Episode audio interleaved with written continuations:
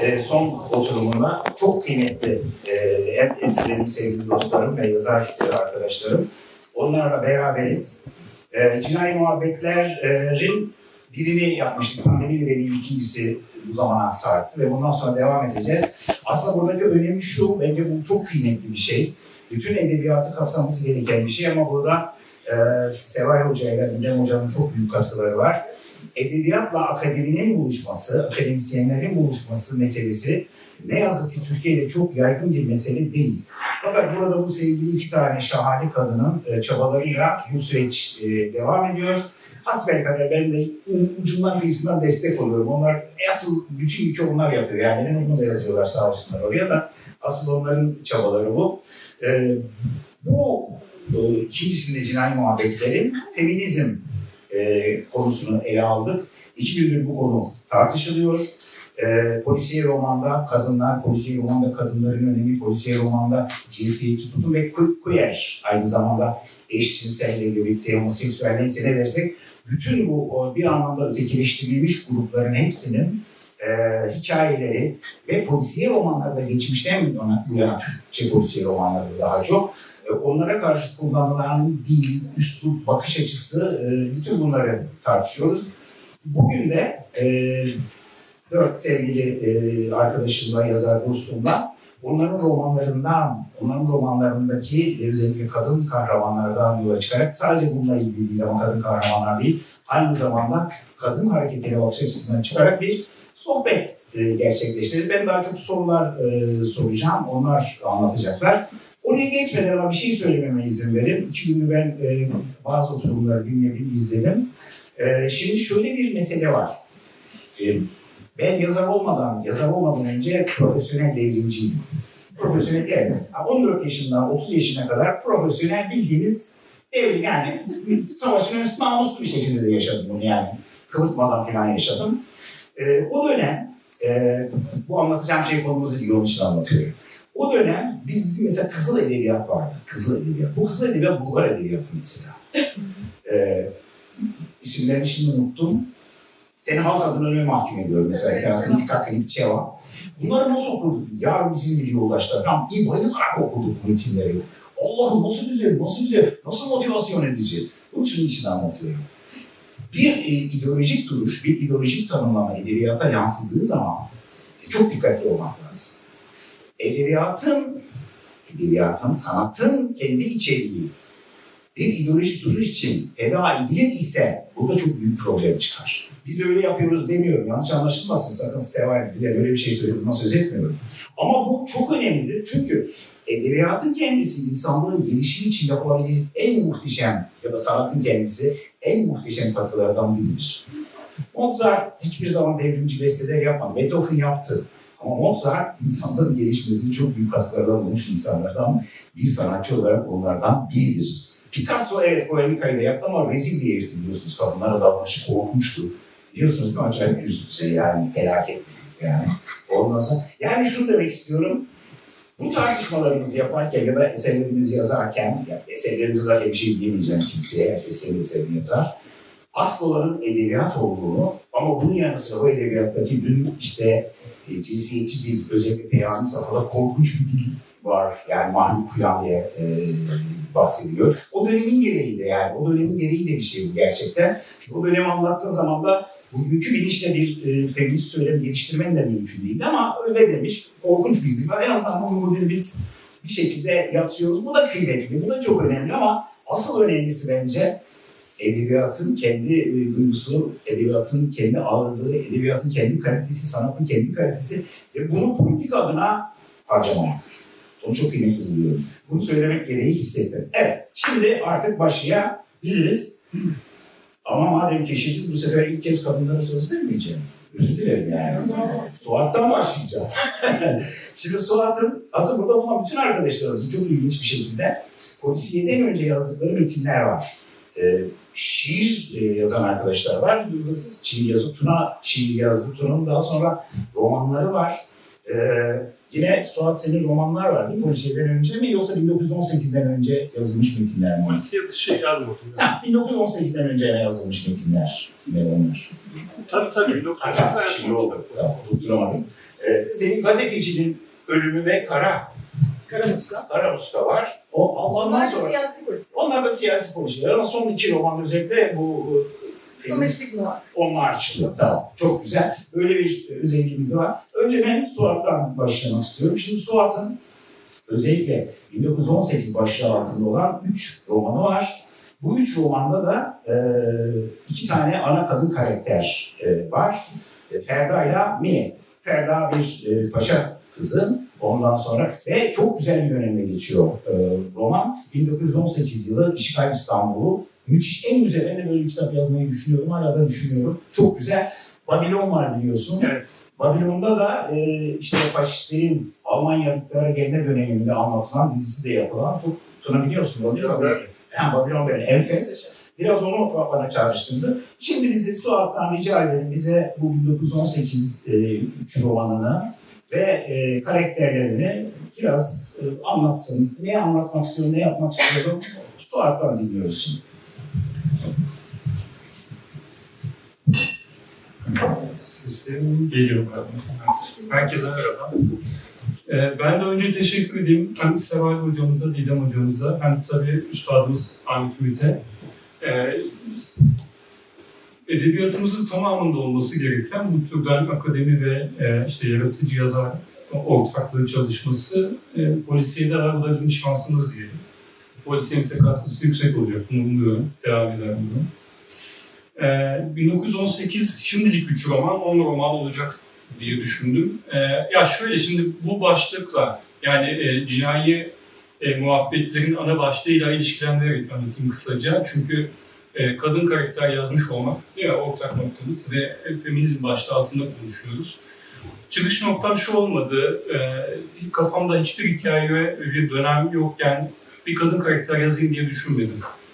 Ee, ilk ilk cümle, ilk fikir bende 1918'de sadece buydu. Yani bir tarihti.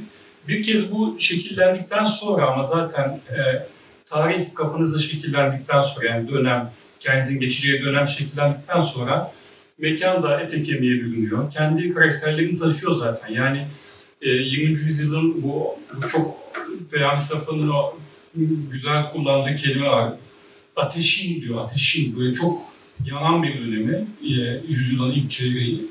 E, İşgal İstanbul'u da böyle bir e, zaman aradığı ateşin bir dönem. Bu dönem zaten e, sadece oraya baktığınızda bile size çok sayıda hikaye veriyor ama bu hikayenin tamamında neredeyse kahramanlar hep erkek.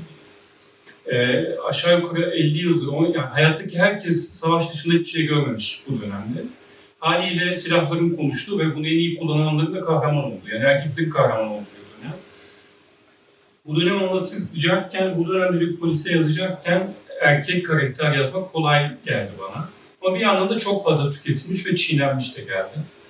E, kendimle iddialaşmak adına da bu dönemin e, e, bu dönemde geçecek bir polisiyeyi e, bir kadın karakter üzerinden yazmak bana kendimle iddialaşmak açısından ida, isabetli göründü.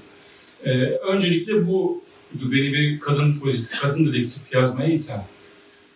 E, diğer taraftan şu da var tabii.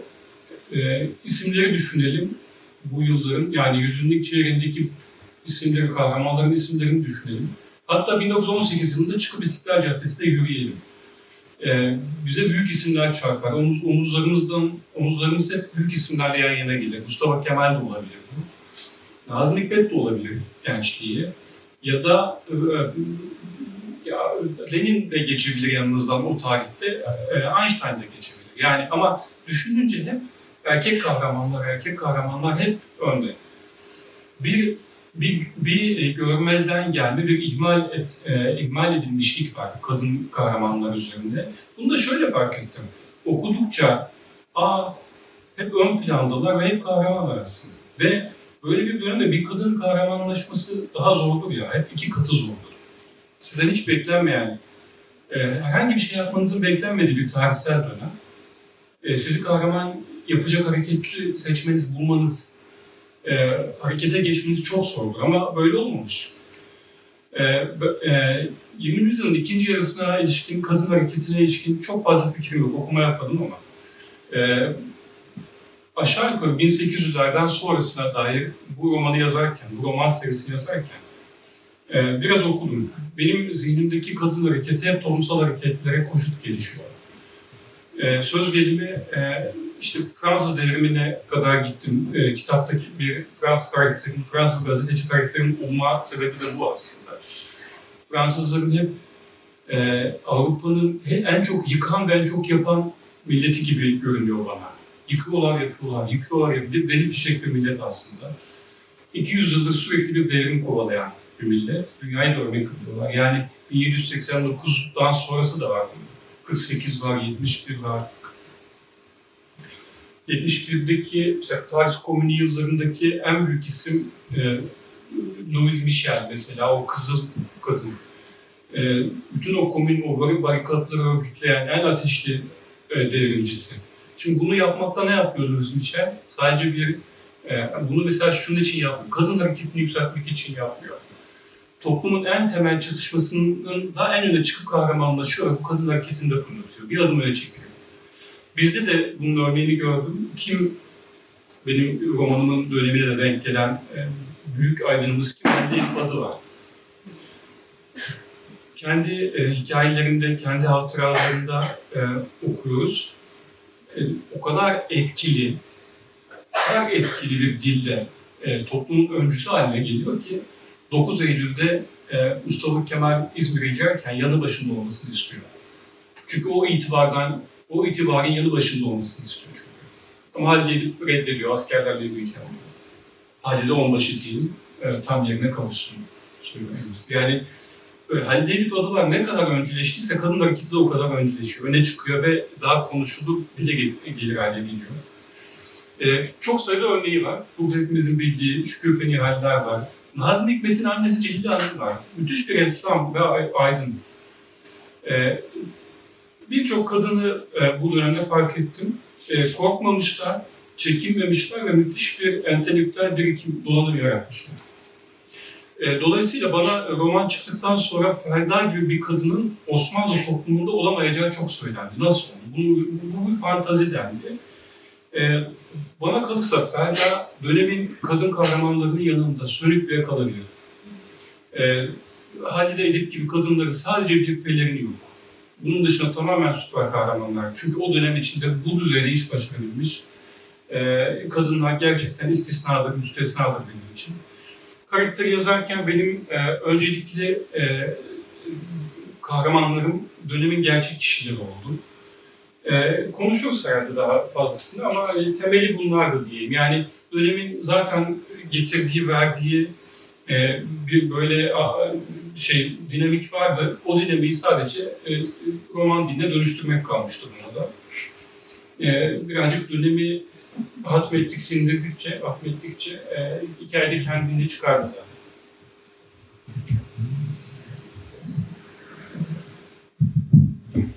Evet aslında Halide Edip gerçekten olağanüstü e, bir kadın.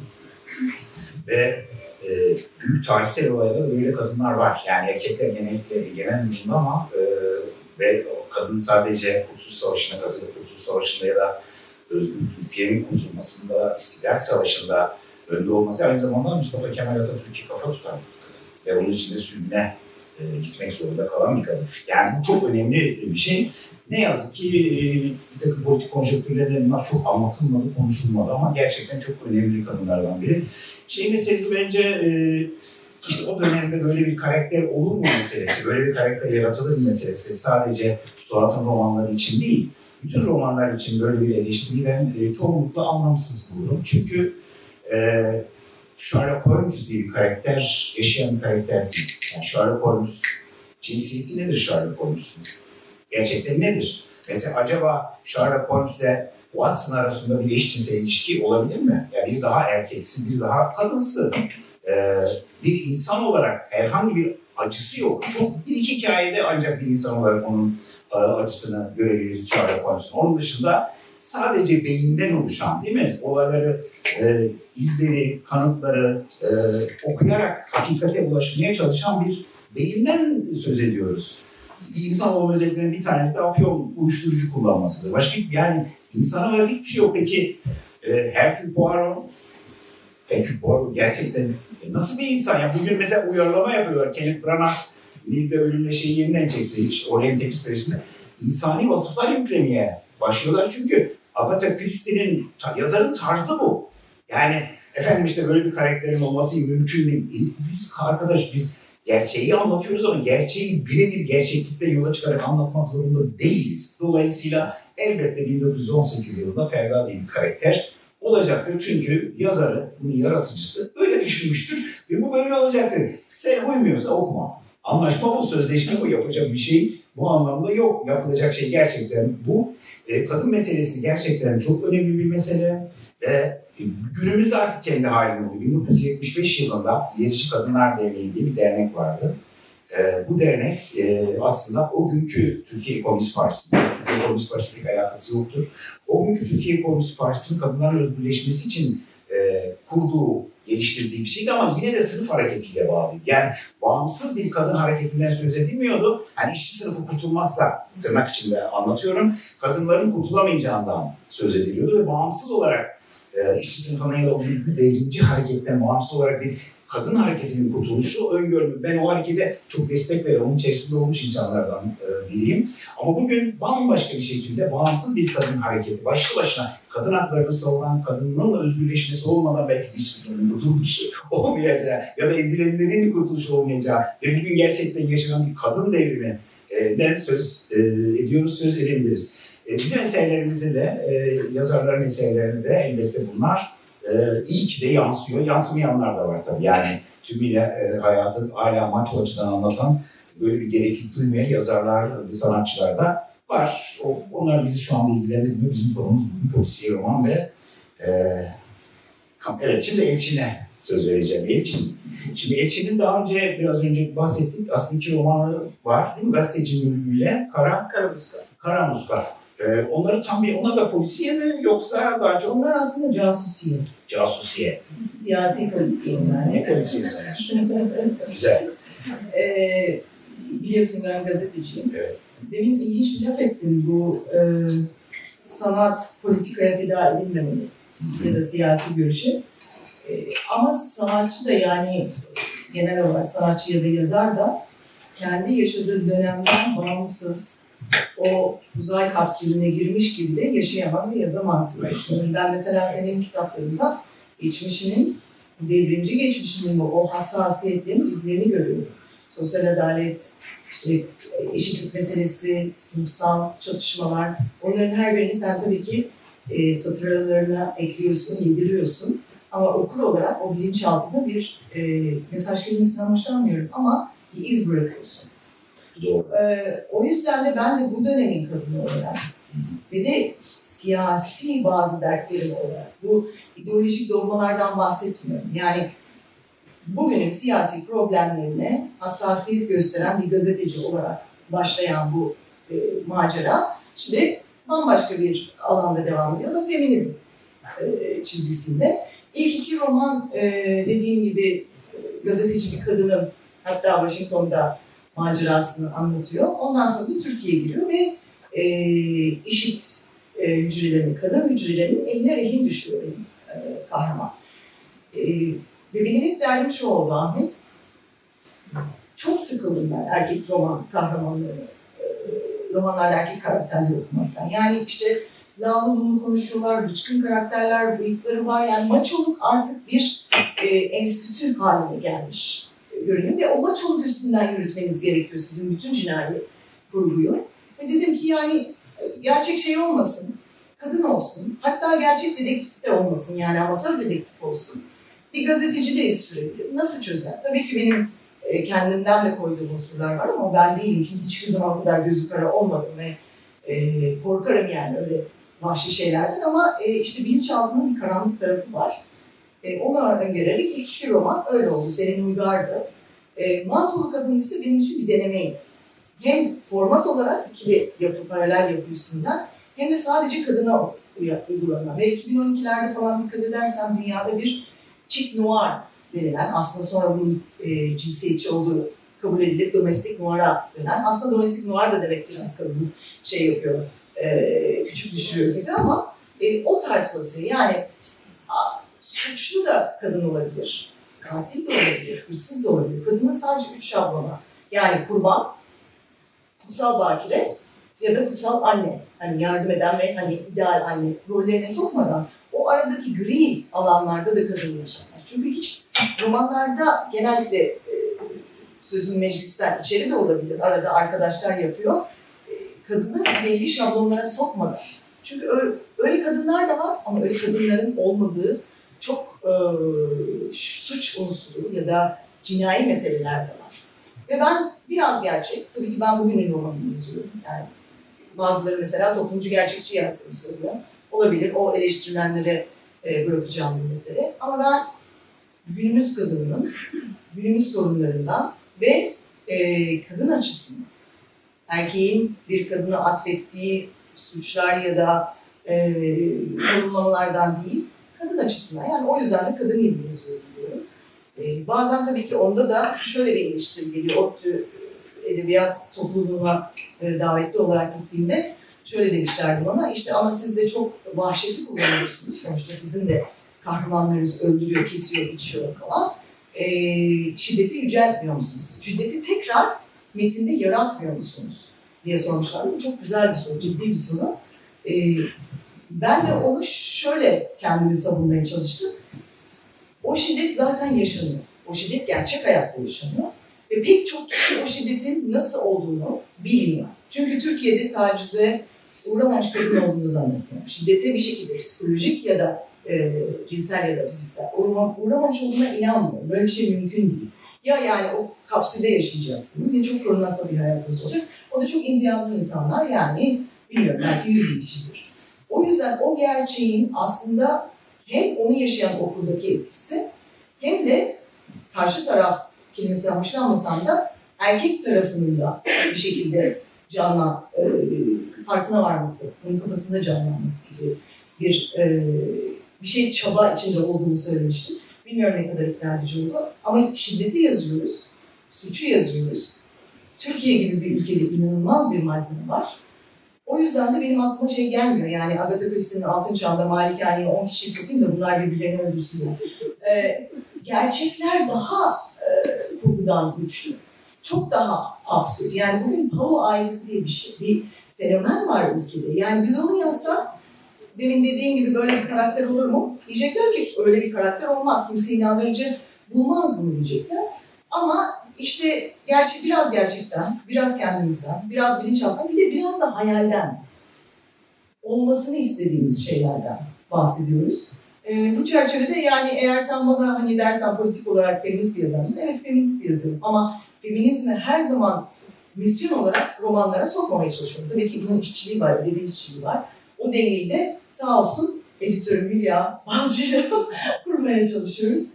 Ee, bu zor bir iş. Kolay değil. Ee, duyguyla yazılan şeyler mutlaka daha sert olabiliyor. Ee, hızlı gelebiliyor.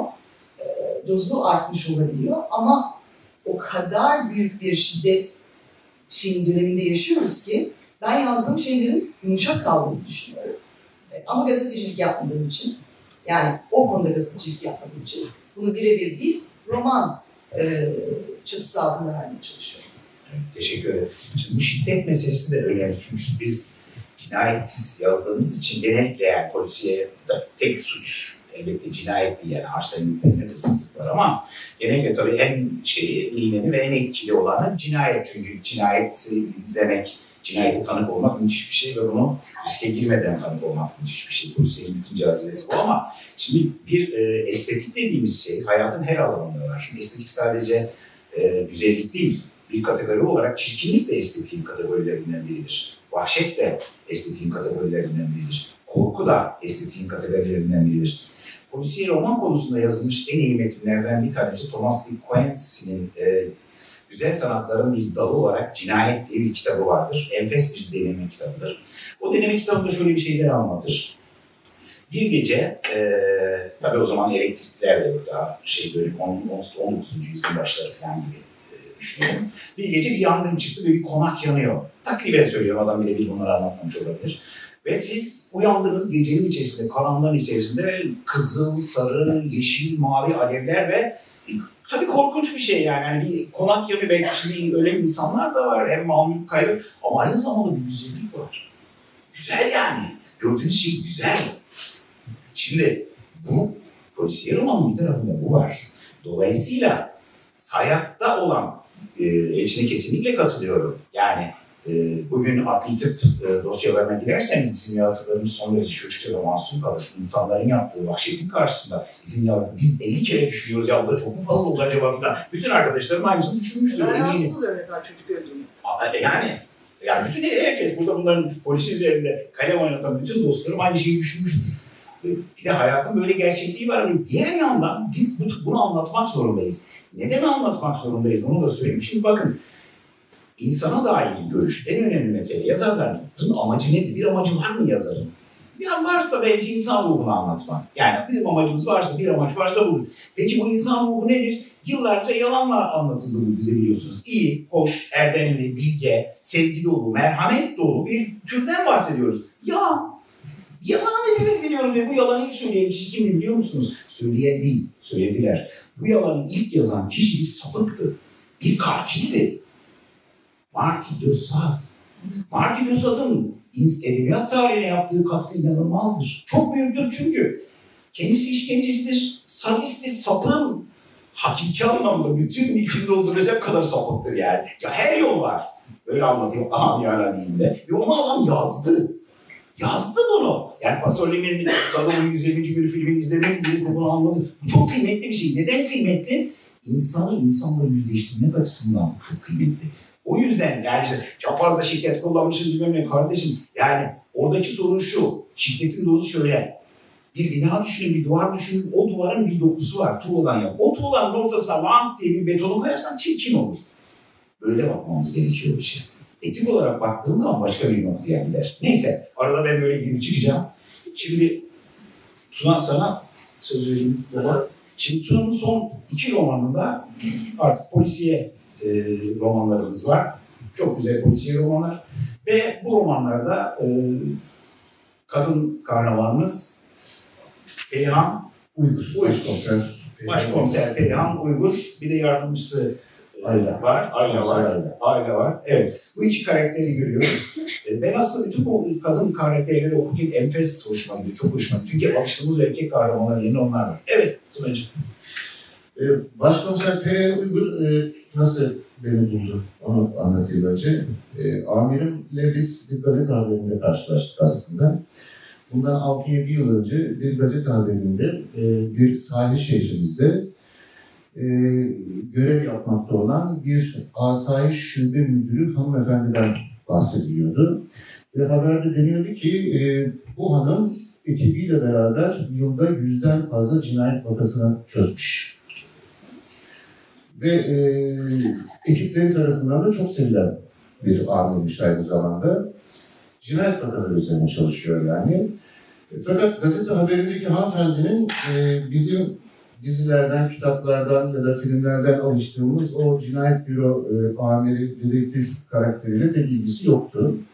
Daha çok böyle orta yaşlı, e, etine dolgun, e, tombulca, kıvırcık saçlı, gözlüklü, e, sanki böyle tatlı sert bir tarih öğretmenine benzeyen bir kadın duruyordu karşımda resimde. Ve Perihan ablaya benziyordu. yani 80 o Perihan Kuklan hatırlattı bana yani görünüş olarak. Ve ben bunu not ettim. Aa, ne kadar ilginç bir polisiye edebiyat kahramanı olabilir bu aslında diye. Çünkü hani Perihan abla gibi bir karakter düşünün ama aynı zamanda korkunç ve karanlık bir suç dünyasına karşı cinayet büroda çalışıyor.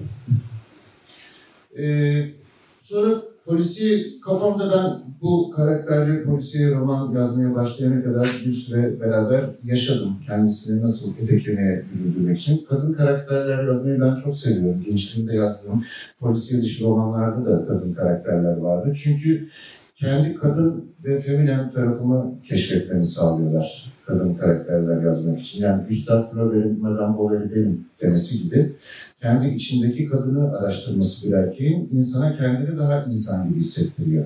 E, açıkçası ben çok zevk alıyorum kendi kadınsı ve feminen tarafımı bu karakterler aracılığıyla keşfetmekten. Ee, Başkomiser Perihan Uygur bu şekilde gelişmeye devam etti bir romana doğru. Sonra işte Mezun Cinayetleri romanının konusu da aklıma geldi. Yardımcısı Ahmet abinin bahsettiği Ayla Özkan komiser E, o da benim müzik yaptığım bir barda buldu. E, bir gün e, müzik yaptığımız şeyden sonra, fasıldan, fasıl zamandan sonra e, böyle eğlenen bir genç adamla bir genç kadın gözümüze çarptı. Genç adam böyle uzun boylu, yakışıklı, esmer bir adamdı. Genç kadınsa böyle kısa saçlı, e, kolları dövmeli falan böyle çok zevkle dans eden falan bir genç kadındı. Sonra uzun boylu adamla biz arkadaş grubu olarak sohbet etmeye başladık. İşte ne iş yapıyorsun, şu bu falan deyince ben emniyetteyim dedi genç adam. E, neresinden diye sorduk. Cinayet bürodanım ben dedi. Aa dedik ne güzel peki hanımefendi falan dedik. O da narkotikten dedi. Görevde misiniz abi diye sorduk. Yok eğlenmeye geldik dedi. Ya iyi dedik o zaman beraber. Ben de o zaman polisiye roman yazmak gibi yakın gelecekte bir emelim var. Hemen arkadaş olmaya çalıştım onlarla tabii. Hani mail adreslerinizi verseniz de bir şeye takıldım diye olursa size sorsam olur mu falan diye tabii tabii dediler. Hakikaten bir iki defa mailleştik yani yardımcı oldukları da oldu. Ve o karakterden yola çıkarak da komiser Ayla Özkan karakteri ortaya çıktı. Ee, Başkomiser Perihan şöyle bir karakter. Evet, Perihan ablayı hatırlatan tarafları var. Anaç bir karakter, ailesine düşkün bir karakter. Fatih'te e, kocasıyla bir otelde kat müdürlüğü yapan ve sürekli e, kuru yemiş çocuk yönetip e, aileyi batırmaya çalışan bir kocası var. E, Asperger sendromundan müsterih bir kızı var. O kızın özel bölümüyle ilgili sorunlarla uğraşıyor. Onun eğitim mücadelesini bir taraftan veriyor. Kayınvalidesi zaman zaman geliyor, onlar da kalıyor. Bir mahalle hayatı var ama bir taraftan da vahşi bir e, seri katile karşı karanlık bir suç dünyasının içerisinde mücadele eden, gözü pek, e, silah kullanmaktan hoşlanmayan ama ruheni rahatlamak, rahatlamak için poligona gidip talim yapmayı tercih eden aynı zamanda kaç erkek polisi boşanmaktan, kaçını e, mesleği bırakmaktan kurtardığını kendisi de hatırlamıyor. Aynı zamanda da e, ekibini de kadınlardan kurmuş. Özellikle kadın oldukları için polis teşkilatı içerisinde dışlanmış, önyargıyla karşılanmış ya da kariyeri tökezlemiş olan kadın memurları yanına alıp onları abla sabrıyla baştan eğitmeyi kendisine meslek felsefesi olarak seçmiş. Ve Cinayet Büro'da böyle bir ekibi var. Onlarla beraber çalışıyor. Yani bir taraftan cinayetleri çözmeye, vahşi bir seri katilin izini sürmeye çalışıyorlar. Bir taraftan da kadın oldukları için teşkilatın içerisinde karşılaştıkları zorluklarla, ön yargılarla e, ve engellerle mücadele ediyorlar. Böyle ikili bir yapı olması benim hoşuma gitti. E, başka ilham kaynaklarım da var. Onlardan kısaca bahsedeyim. E, birincisi şunu düşündüm ben polisiye yazmaya başlarken. E, şimdi Yahya Kemal zamanında yaşıyor olsaydık, günümüz ben İstanbul'da yaşıyorum. Günümüz İstanbul'u anlatmak için Erenköy'de Bahar gibi şiirler yazmamız gerekirdi. E, Tanpınar zamanında yaşasaydık huzur gibi şiirler yazmamız gerekirdi. Yani gerçi yani 1918 dünyasında da suç unsuru var tabii ki ama günümüzde İstanbul bir suç şehrine iyice dönüşmüş durumda metropol olarak ve günümüz İstanbul'u en gerçekçi bir şekilde anlatabilecek türün e, polisiye ve suç edebiyatı olduğunu hissetme, hissettim ben ve kendimi hazır hissedene kadar da bunu başlayamadım. Hatta bir ara verdim yazarlık macerama. E, bir taraftan dünya polisiyesinin de geliştiğini değiştiğini gördüm. Yani 80'li yıllardan sonra e, sosyalist polisiye yazarların etkisiyle toplumcu gerçekçi bir polisiyenin geliştiğini, sosyal sorunlara, politik sorunlara e, değinen, bunları eleştiren bir polisiyenin geliştiğini ve toplumcu gerçekçi polisiyenin rolünü neredeyse devraldığını gördüm. E, Türk Edebiyatı'nda bunun nasıl olabileceğini Ahmet Ümit ve Celil Oker'in romanlarını okuyarak fikir sahibi oldum. E, onların devamı olabileceğini yani düşündüm. Bir taraftan da 70'li 80'li yıllardan itibaren aslında bir feminist roman polisiyelerin içerisinde olduğunu da gözlemledim. E, bunların örneklerinden biri olarak mesela 1988 tarihli Kuzuların Sessizliği romanı geliyor benim. Filmini de biliriz yani polisiye severler olarak. Clarice Starling bir karakter orada var. E, Virginia Üniversitesi'nde double major yapmış, çifte e, diploma almış ve kriminoloji ve psikoloji üzerine eğitim görmüş bir kız. Daha sonra bir akıl hocasının tavsiyesiyle FBI'ye girmiş. Orada işte karanlık bir maceranın peşinde. E, bir taraftan da kadın olduğu için karşılaştığı gene önyargılarla ve küçümsemelerle e, boğuşuyor ve Hannibal'la beraber aslında bir kriminoloji sohbeti yapıyorlar bütün film boyunca. Ve katilin zihnine girmeye çalışıyorlar. Bu benim için çok ilham vericiydi. İkinci ilham kaynağı bir çizgi romandan geldi. Julia çizgi romanı. 1998 tarihli. Kriminal Julia Kendall. Bu da İtalyan çizer Berardi'nin yarattığı bir karakter. Hatırlarsınız Audrey Hepburn'a aşırı benzeyen bir karakterdi hatta çizme olarak. Tıpkı Audrey Hepburn gibi çok narin, kırılgan görünen zarif bir hanımefendidir. Ama bir taraftan da o karanlık suç dünyasının içerisinde e, polislere ve emniyete danışmanlık hizmeti verir. Bir taraftan da üniversitede kriminoloji dersleri vermektedir Julia Kendall. Üçüncü bir e, ilham kaynağı bu bakımdan Lisbeth Salender'di. E, Elçin de çok sever. E, Stieg Larsson'ın 2005 yılında çıkmış olan e, kitabı Ejderha Dövmeli Kız. Aslında bu kitabın orijinali adı şimdi ben e, araştırırken gördüm. Kadınlardan nefret eden adammış. Yani İsveç'te öyle yayınlanmış kitap. Sonra İngilizce çevirirken bunu biraz daha şey yapalım falan deyip Ejderha Dövmeli Kız'a çevirmişler. Fakat gerçekten kadınlardan nefret eden ve kadınları sürekli sadist bir şekilde öldüren bir katilin peşinden koşar. Lisbeth severler ki kendisi polis ya da dedektif değildir çok bir suçludur. Hacker'dır. Aynı zamanda istismar edilmiş bir çocuktur. Ee, zihinsel olarak özel bir durumu vardır. Biseksüeldir e, bir taraftan da. E, Pipi Uzun Çorap karakterinden İsveç Edebiyatı'nın, e, çocuk edebiyatındaki esinlenerek Stieg Larsson'ın yaratmış olduğu bir karakterdir. Fakat bu karakterlerin hepsinin ortak özellikleri kadın olmaktan vazgeçmeden bu, yaşa, bu işi yapan erkekleşmeyen karakterler. Yani kadın olmanın bütün e, zarafetini, gücünü, özelliklerini beraberinde getirerek e, ipuçlarının peşinden koşan karakterler. Ben de bunlardan ilham almaya çalıştım. Başkomiser Perihan Uygur kadınların daha iyi dedektiflik yapabileceğine inanıyor. Doğal hasletlerinden ve özelliklerinden dolayı. Ve bu yüzden de e, ki böyle bir şey de var yani kadınlar istedikleri zaman Instagram'da da gayet güzel iz sürebiliyorlar biliyorsunuz. Yani iz sürme ve detaylara hakimiyet konusunda kadınların doğal bir detaylara özellikle hassasiyet var. E, ekibini bu yüzden kadınlardan kuruyor, yaralı kadın memurlardan kuruyor ve yani temel benim fikrim oydu. Yani Başkomiser Perihan ablanın bugün yaşayan bir versiyonunu emniyet teşkilatında cinayet büroyu ve karanlık ve vahşi bir suç dünyasının karşısına koysam ne olur fikrinden yola çıkarak aslında geliştirdim. Ve ister istemez de bunu yani feminist bir bakış açısıyla insanı tabii götürüyor bunu yapıyor olmak. Çünkü erkekler dünyasının içerisinde işini yapmaya çalışan, e, mesleki haksızlıklarla mücadele eden bazı kadınlar bunlar. Ve haksızlığa uğrayan ya da zulme uğrayan ya da vahşete uğrayan kadınlarla da karşılaşıyorlar. Bu yüzden de kadınlardan bu ekibi yaratmak dediğim gibi kendi kadınsı ve feminen tarafımı bana hissettirdiği için e, işte polisiye giren her polisiye yazarının yeni bir karakter önermesi gerekir biliyorsunuz edebiyata. Başkomiser Perihan Uygur bana bunu yapma şansı verdiği için kendisine minnettarım. E, bir de hani e, sosyopolitik olarak bakarsak da şunu düşünüyorum. Dünyada bugüne kadar aşağı yukarı her türlü devrim denendi bir şekilde ama doğru ama yanlış. Yani denenmemiş tek devrim kadın devrimi kaldı aslında şimdiye kadar. Ve bir kadın devrimi yapıldığı zaman e, biz erkekler de kurtulacağız gibi geliyor bana. Tekrarlar mısınız?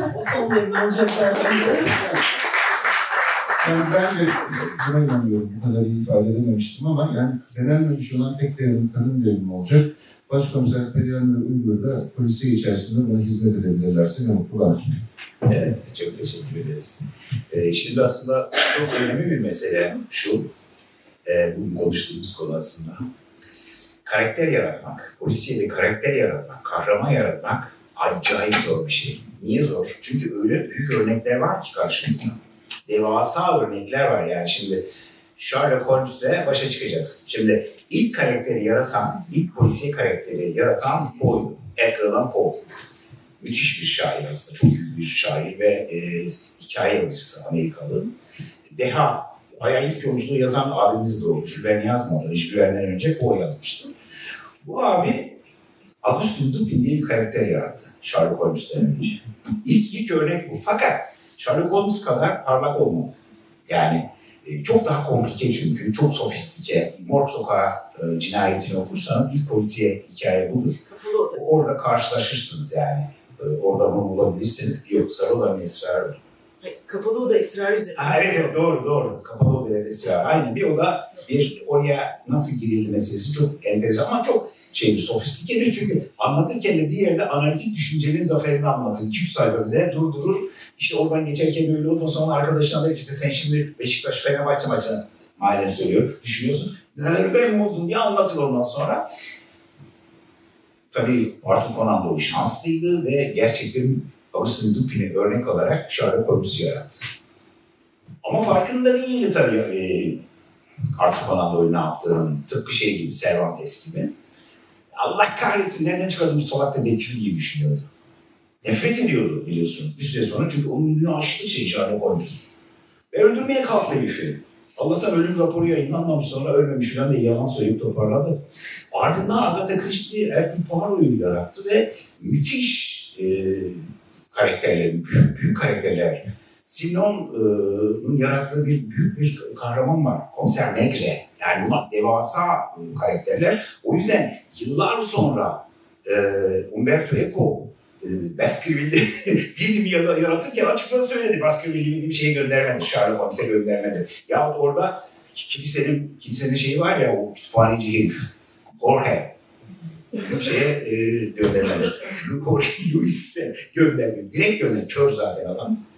Göndermeyen, açık göndermeyen çok zor bizim işimiz. O yüzden karakter ya biraz önce e, üç arkadaşın anlatırken onu düşündüm. Karakter yaratma, o karakteri yaratma, bu karakterin yeni olmaması, yeni olması, farklı olması, Perihan Atlay'ı e, cinayet masasına e, sokmak yahut bir kadın dedektif yaratmak bunlar o kadar zor sıkıntı. Yani her romanda ben oturup düşünüyorum. Çünkü her romanda başkomiser Nevzat'ı anlatmak gıcık bir şey ya çok sıkıcı. evet okurlar bayılıyorlar. Başkomiser Nevzat roman yazmam. Yani en az iki roman biraz nefes alayım dur. Ama biz onu çok sev seviyorsun da ben öleceğim. Heyecanı kalmıyor ya. Gerçekten heyecanı kalmıyor. Bir tane hayatım var. Tamam ona bir şey demiyorum yani. Onu yaşıyoruz ama romanda çeşitleme şansım olsun işte ise. Şimdi o yüzden Yaprağın, sevgili Yaprağın e, çok özgün bir e, polisiye e, karakteri var. Önce böyle sanki tesadüfen başlar gibi sen anlatacaksın onu. Zonguldak. Değil mi? E, Yaprağın da çok enteresan. Dur ismini de söyleyeyim. Kusura bakmayın. Yıldız Alaton. Değil mi? Alatan. Yıldız Alatan karakteri. Son derece enteresan bir karakter. Şimdi e, sevgili Yaprak bize karakterini anlatsın. Teşekkür ederim güzel sözlerinize Yıldız'la ilgili. Ee, Yıldız Alatan benim e, nasıl ortaya çıktı? Şimdi yalnızca erkekler kadınlara zulüm etmiyorlar psikolojik ya da e, fiziksel olarak ikisini de kastediyorum. Kadının kadına yaptığı bir zulüm var. Kadının kadına yaptığı bir mobbing var. Ben de buna çok maruz kalmış biriyim. E, ve bu bana ilham verdi. Kadınlar birbirlerini nasıl e, birbirleriyle uğraşıyorlar. Bunları yıllarca gözlemledim, yaşadım. E, hatta feminist geçinen kadınlardan bile ben psikolojik şiddet gördüğümü düşünüyorum. Bütün bunlar bana ilham verdi ve böyle bir roman yazmak istedim. Bir kadın çözsün, suçlu da kadın olsun. Bunlar birbirlerini yesinler, birbirlerine düşsünler. Çünkü bunlar oluyor. Ben bunları yaşadım, gördüm, gözlemledim. E, onu buradan yola çıkarak yıldızı yarattım ve e, Elçin dedi ki hep bir erkek maço, işte bıyıkları var bilmem ne böyle, hep bir erkek egemen e, şey var, dedektif olayı var. Ben buna çok sinir oluyordum. Aynı Elçin'in hissettiğini hissediyordum. Ve e, bir kadın olsun istedim. Bir de benim polisiye dışında psikolojik gerilim kitaplarım var. Çin polisiye ögeleri olan e, korku, gerilim türünde. Hep kadın karak kadın anlatıcılarla gitmiştim. O geleneğimi de, alışkanlığımı da bozmak istemediğim için bir kadın fahri dedektif yani son derece amatör, e, ev kadını, evin camlarını silen, e, turşu kuran, marmelat yapan, ondan sonra çamaşır asan falan bir kadın. E, bir Zonguldak, ben Zonguldaklıyım, memleketim orası. E, çocukluğum lojman mahallesinde geçti. Bir başka hayalim de lojman mahallesinde çok güzel bir çocukluk geçirdiğim için onu yaşatmak istiyordum. Zonguldak'a bir e, şey e, saygı duruşu da bulunmak istiyordum. Böyle memur sosyetesinde bütün kadınlar ev kadını, e, 70 70'li yıllarda başlıyor zaten. Aslında feminist açıdan e, şey, Yani feministler karşı çıkabilir. Çünkü e, kadınlar ev kadını, e, eşlerinin e, ünvanlarıyla anılıyorlar. İşte mühendis eşi, doktor eşi, baş mühendisin eşi, e, bölge müdürünün eşi. Ama o zamanki şartlar bu şekilde. Ve ben bu kadınların hikayesiyle başlamak istedim bu seriye. E, Yıldız Alatan meraklı bir kadın. E, ve bir cinayet olduğunda üstüne gidiyor. Çünkü en büyük hayali e, bir şeyler çözüp bunların romanını yazmak. Ve sonra ilk maceranın romanını yazıyor. Yani anlatıyor bunu. E, anlattığı şeyi romana, yaşadığı şeyi romana dönüştürüyor. Ve e, kitabın sonunda bir yayın evine gönderiliyor. 70'li yılların sonunda işte 80'ler tam darbe zamanı geçiyor ilk kitabı. 80 darbesi sırasında. E, ve reddediliyor. Ve bunu e, kadınların, e, kadın yazarların bir kadın polisiye yazamayacağı ön yargısıyla kendinden eminim çok güzel bir şey yazdığına inanıyor. Ama oraya ben şey de sıkıştırmak istedim. E, belli bir döneme kadar kadın polisiye yazarları da yok Türkiye'de. Azınlıktalar.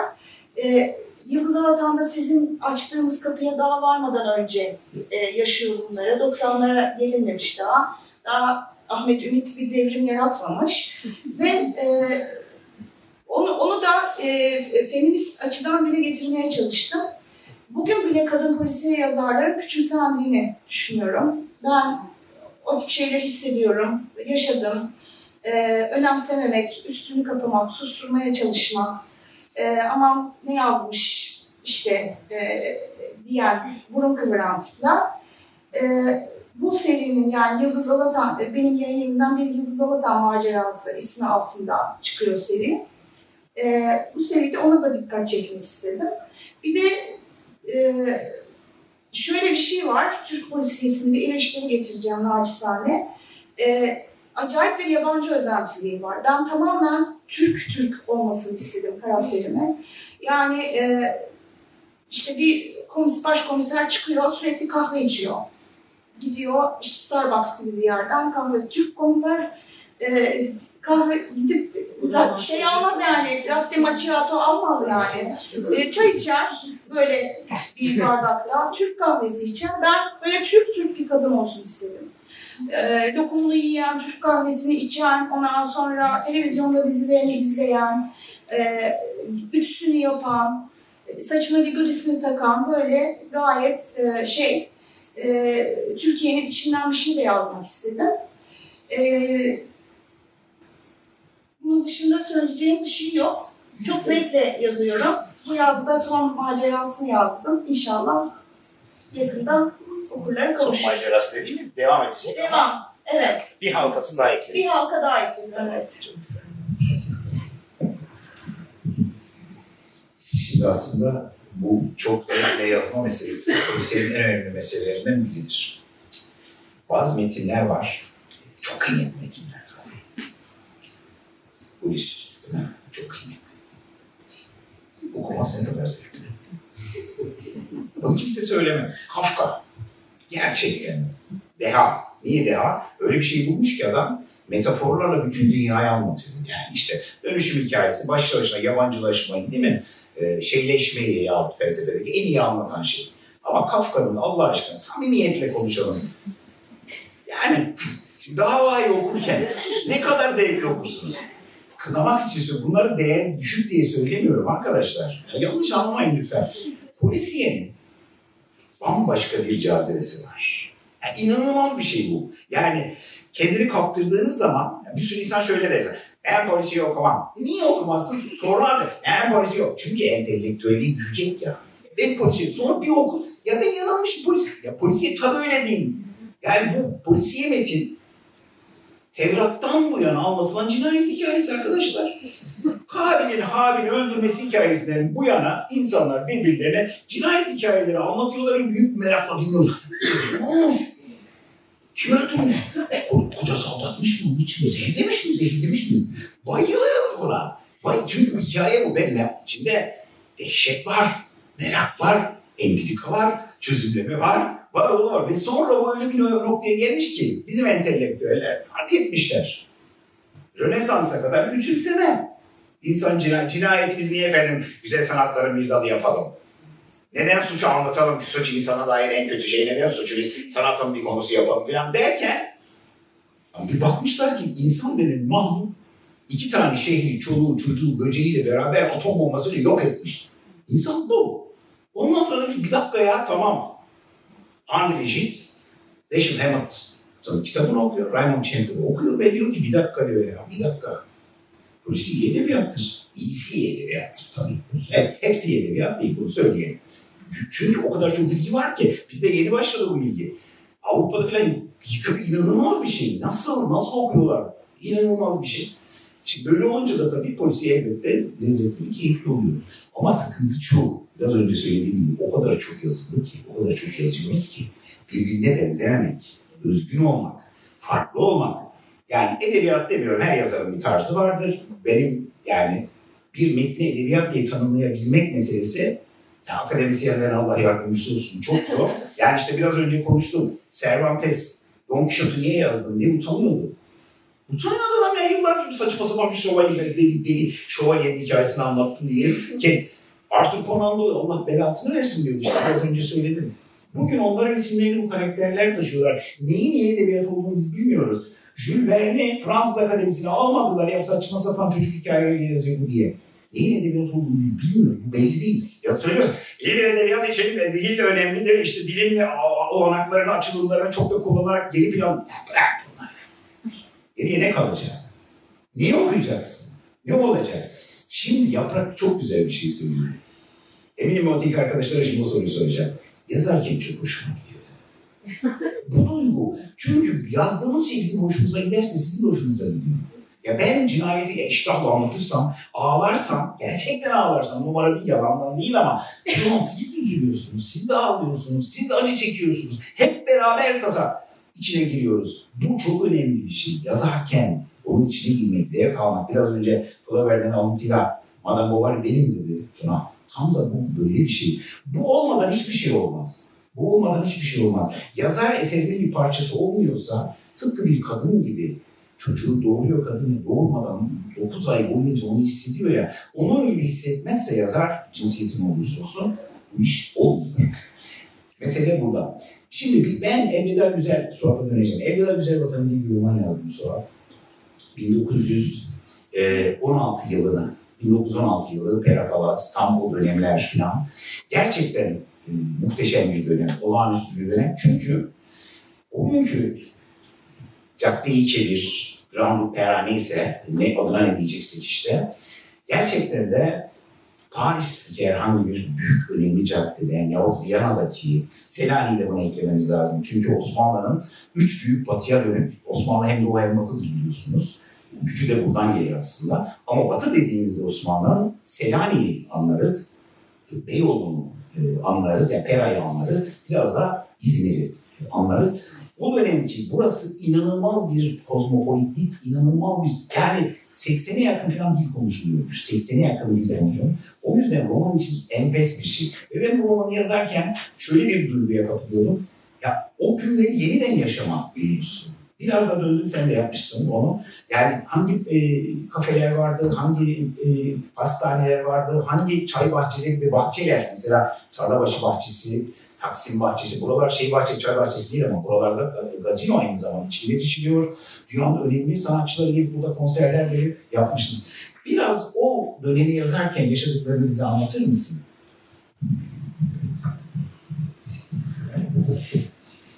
Herhalde 1918 yazmanın en güzel tarafı bu. E, dönem okuması yapmak büyük bir keyifti.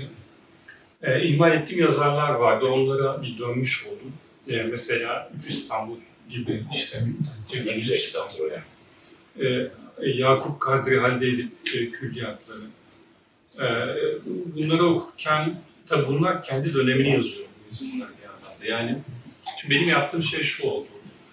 1918 yılını hayal edip o gün yaşıyormuş gibi yazdım. Bunu ya, sadece şöyle bir detay koydum. Bir kahin gibi, baş karakterim bir kahin gibi olsun dedim. Çünkü ben tarihe vakıfım. Yani İstanbul nasıl kurtulacak ve 20. yüzyılda bekliyor bugün biliyoruz karakteri güçlü yapmak, onu bir süper kahramana çevirmek tırnak içinde söylüyorum. için onu da sanki bu tarihe az çok vakıf bunu öngörebilen birisi gibi yazdım. Bunun dışında tamamen e, dönem dilini tutturmaya çalıştım. Bunu yapar, bunu yapmak için de haliyle e, İstanbul'u okuyorsunuz. Neyse ki her gün her sokağa kayıt altına alınmış bir şehir İstanbul. E, kaynaklara, bilgilere ulaşmak hiç zor olmadı.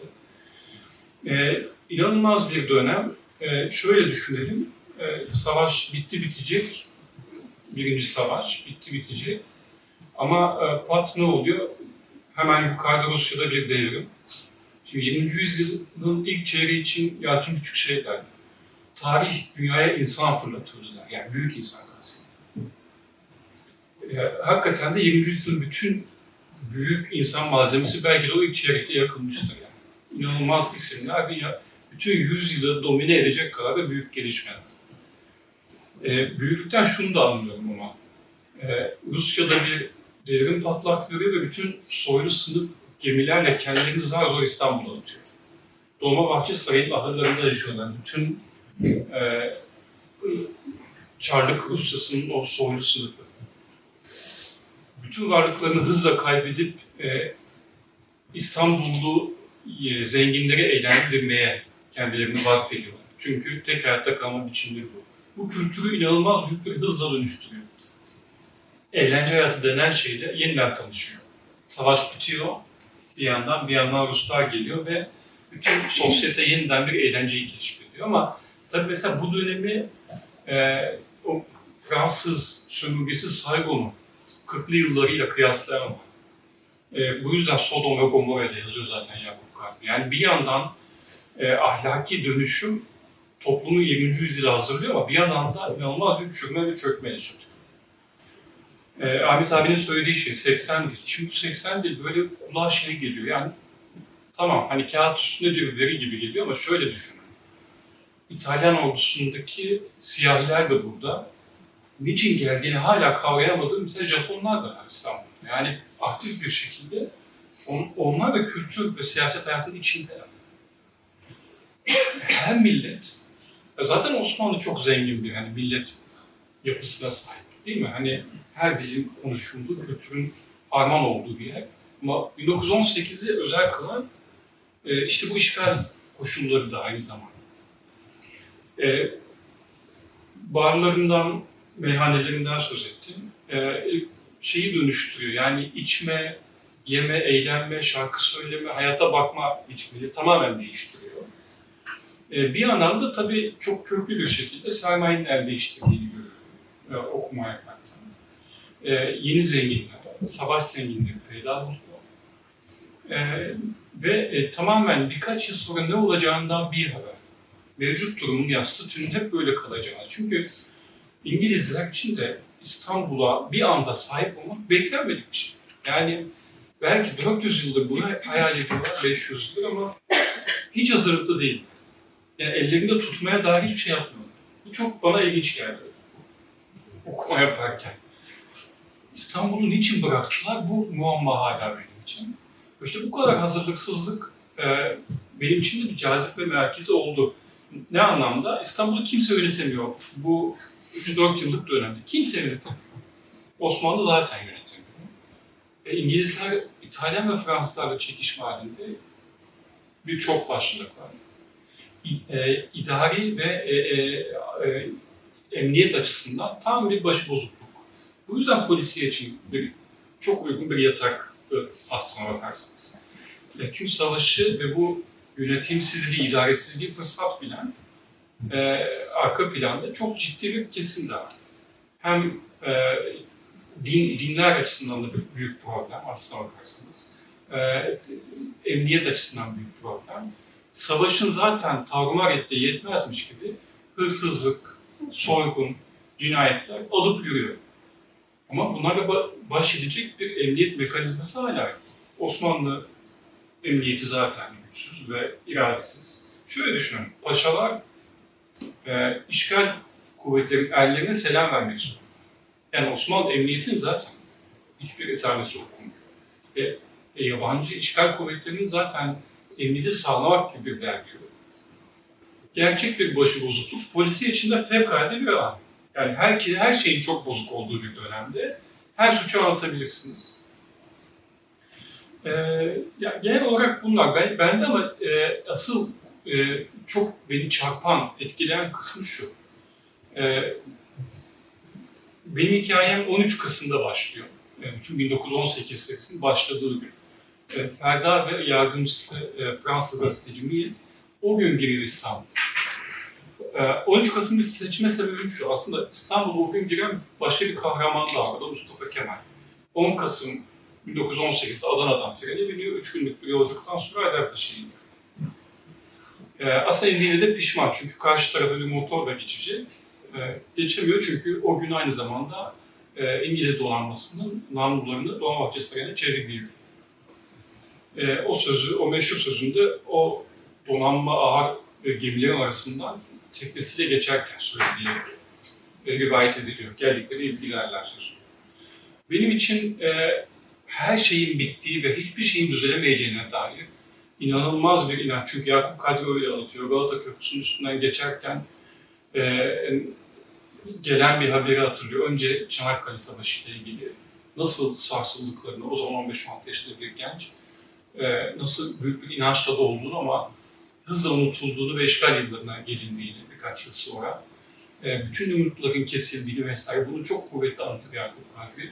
Bir yandan da işte e, içi içini yiyen, o yüzyıla sığmayan insanlar da var, kahramanlar da var. Bunu görmek, her şeyle umut, her şeyle umut e, insanlar da var. Bunu görmek beni etkilemişti. E, ama işte kararımı şöyle verdim. Bu dönemin e, domine eden insanlar, kaçınılmaz bir şekilde erkekler ve askerler. Bu umudu, bu umut ışığını e, e, ihmal edilmiş e, cins ve ihmal edilmiş karakterler üzerinden anlatmak bana daha iddialı geldi doğrusu. Tadımla çıkardım. E, yaprağın sözüne ek olsun sizin söylediklerinize de. Yazmak e, zevkini çok yüksek oranda bana verdi. E, yazmayı şuna benzetiyorum. Daha doğrusu yazıya son noktayı koymayı şuna benzetiyorum. Yani. Bir uçurtma var elinizde. E, çıktınız, uçurtmayı saldınız. Rüzgar onu yükseltti, yükseltti. İpiniz son noktaya geldi. Müthiş bir gerilim. Uçurtma, uçurtma artık gitmek istiyor, siz tutmak istiyorsunuz. O gerilimi bana çok yüksek yaşattı 1918 ve e, yani siz noktayı koymazsanız o kaçıp gidecek zaten. E, bıraktığım an e, büyük bir haz duyduğumu hatırlıyorum her üç kitabı yazarken de. Uçurtmayı bir noktada bırakırsınız, onun, o sizin son noktanız olur artık. Orada bırakırsınız. Bu duyguyu bende yüksek e, bir şekilde yaşattı 1918. Tamamı da galiba bu dönemin zaten kendi hazıydı. Dönemin okumanın kendi hazıydı. Öyle düşünüyorum. Teşekkür ederiz.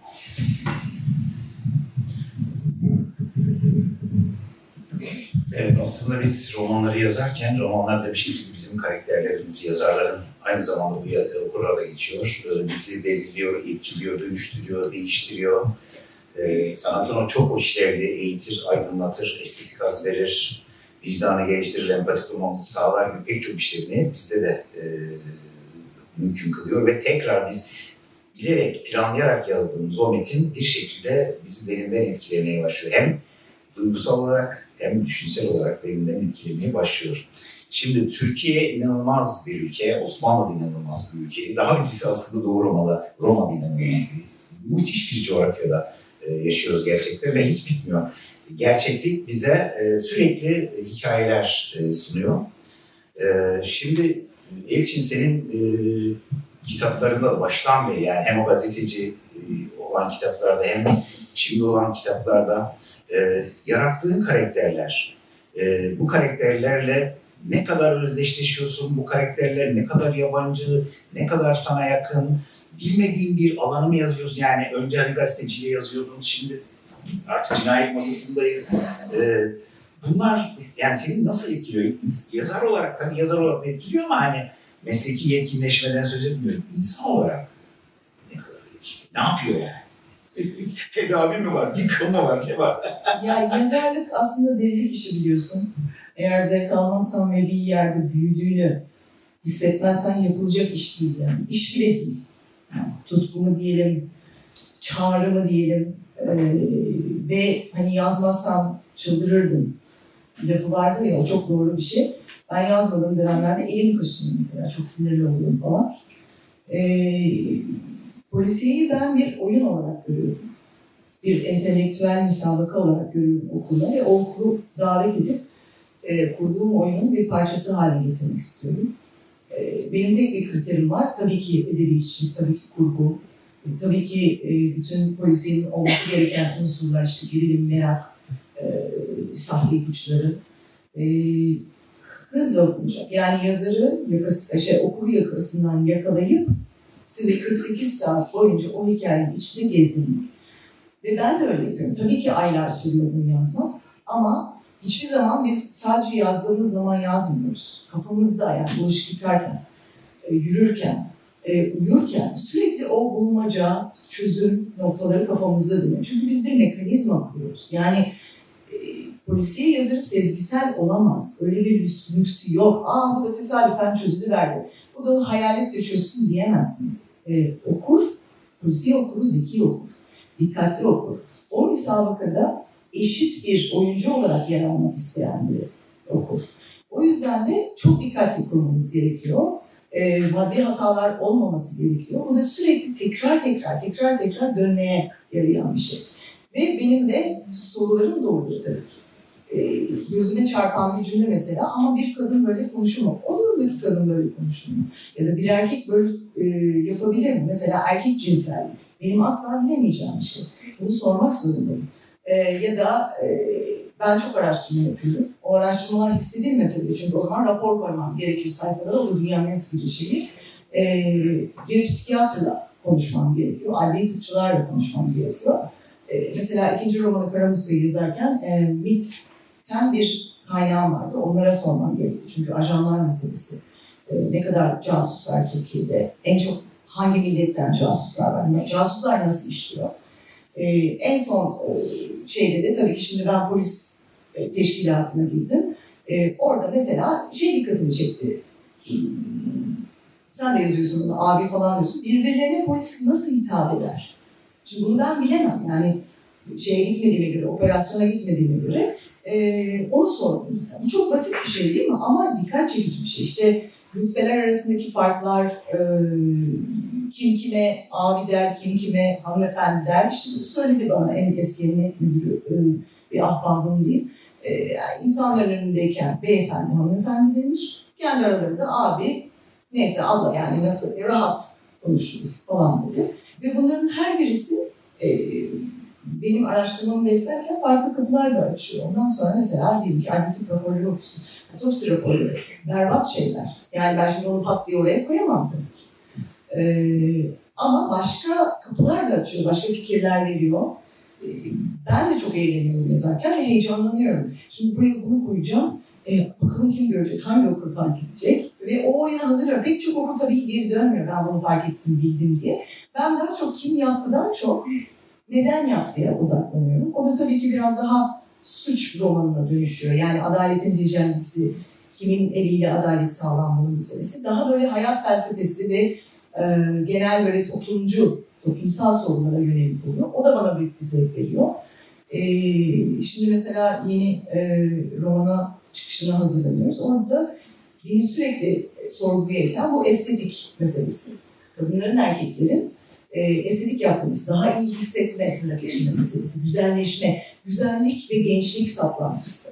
Bunlar benim ilgimi çekiyor mesela ve hep ilgimi çeken sorular üstünden yap, yaptığım zaman e, müthiş zevk alıyorum.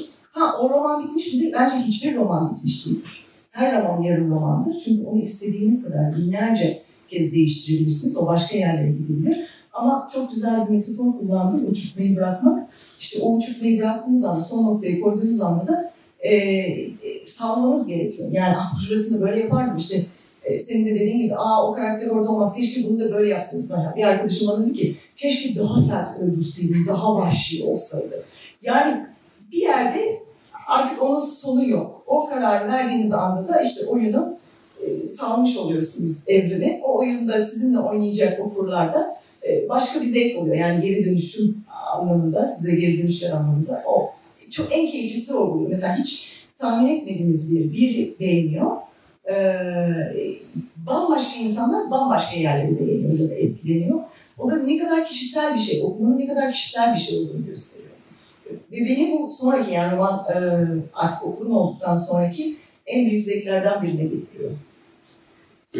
Evet, aslında çok önemli bir şey söyledi. Edebiyatın, e, hani böyle bir laf var ya, ya ben kendim için yazıyorum, okur için yazmış. Doğru değil. Bence doğru değil, yalan yani. Ya da tanımlayamıyor bunu. Bunu Oğuz Atay e, söylemişti. Ben buradayım ey okur sen neredesin diye sağlığında söylemişti. E, yazıyoruz çünkü o Osmanlıca laf marifet iltifata tabidir. Yani bir şey yazıyorsam o takdir istiyorum ya. Bakın arkadaşlar ben bunu yapabiliyorum. Lütfen bunu görün ve sizin de hoşunuza gidiyorsa bu yaptığım şey bunun karşılığında bir şey söyleyeyim. Bu bence tümüyle öyle bir şey.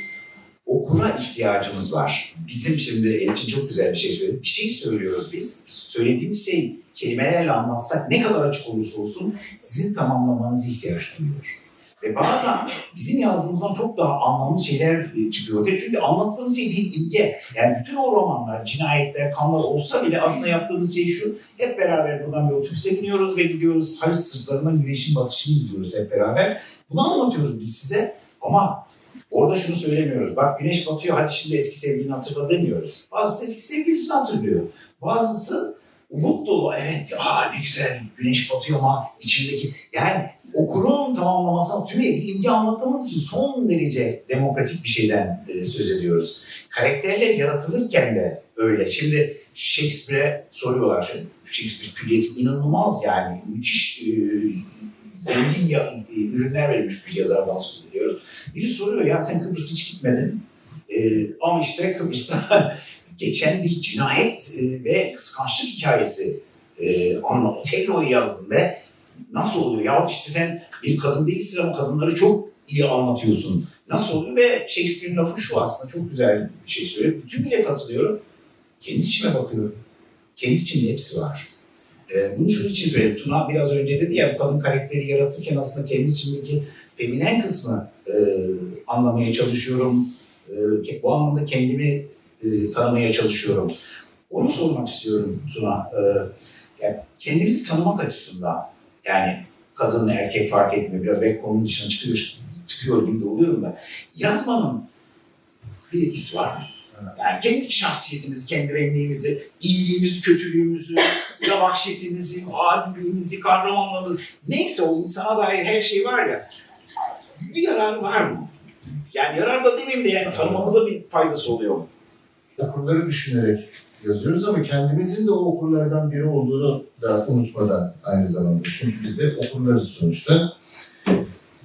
Ee, Ahmet abinin sorusu benim çok sıkça aslında kendime sorduğum bir şey. Ee, yazmak benim için kendimle iletişim kurma biçimim aslında.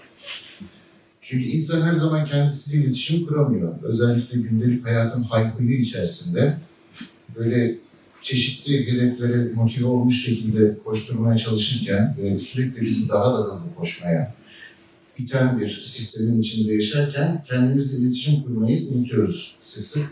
Bu kendimize dair bir yabancılaşma getiriyor ama yazarken insan normalde temas etmediği taraflarıyla iletişim kurduğunu hissedebiliyor. Ee, normalde çalmadığınız kapıları kendi içinizde çalıyorsunuz. Ki bu kapıların bir kısmı da karanlık kapılar yani aslında. Hani her zaman böyle çalınacak kapılarda değiller. Çünkü arkasından ne çıkacağı belli olmayan kapılar bunlar. Yani herkeste vardır diye ümit etmek istiyorum. Çünkü bende var. Sağlıklı. Umarım. Ee, yani normalde çalmaya cesaret edemeyeceğim pek çok kapı var benim içinde.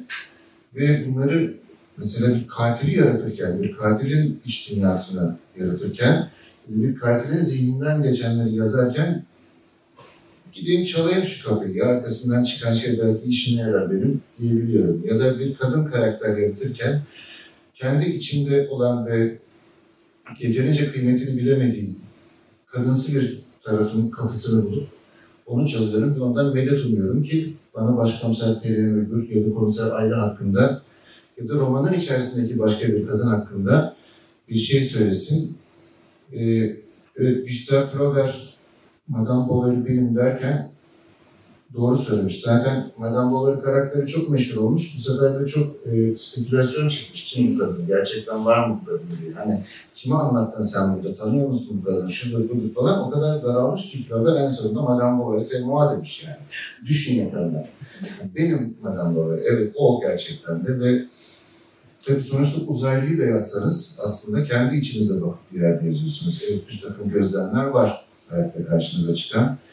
İşte yazar olmak, yazarlık yapmak motivasyonundaysanız her şeyden bir gözlem elde etmeye ve bunları zihne kaydetmeye çalışıyorsunuz ama o kendi iç dünyanızda normalde çalmadığınız kapılar ve onların arkasından çıkan eee kim karanlık, kim aydınlık şeyler aslında özellikle polisiye gibi yarı karanlık, yarı aydınlık bir edebiyat türünde çok işinize yarıyor. Mesela bir iki e, yapımcı arkadaş başkomiser Peri Müdür'le ilgilendiler. Acaba bunu dizi yapsak nasıl olur falan diye. Her polisiye yazarına böyle sorulur ya bunlar bazen.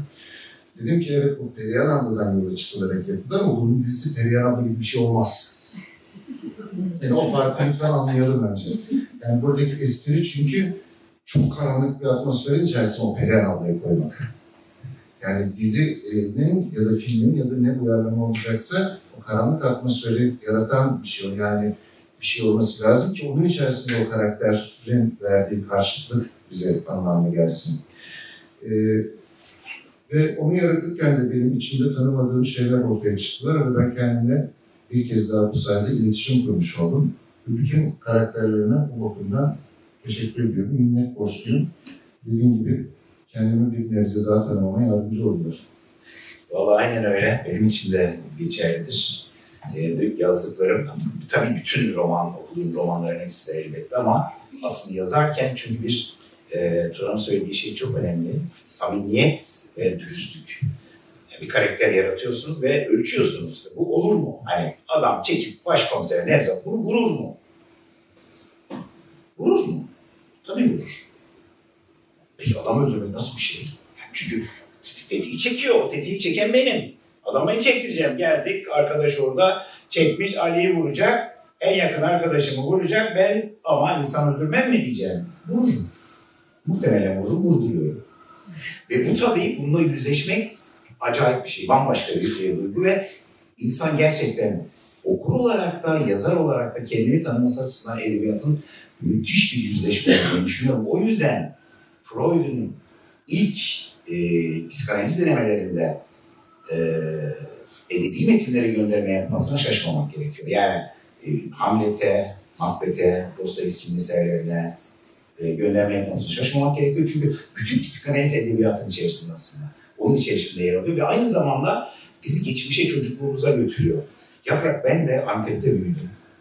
E, ve e, Antep'le ilgili bir Antep'in biraz yer aldığı bir kitap yazdım. Patasana diye bir romanım var benim.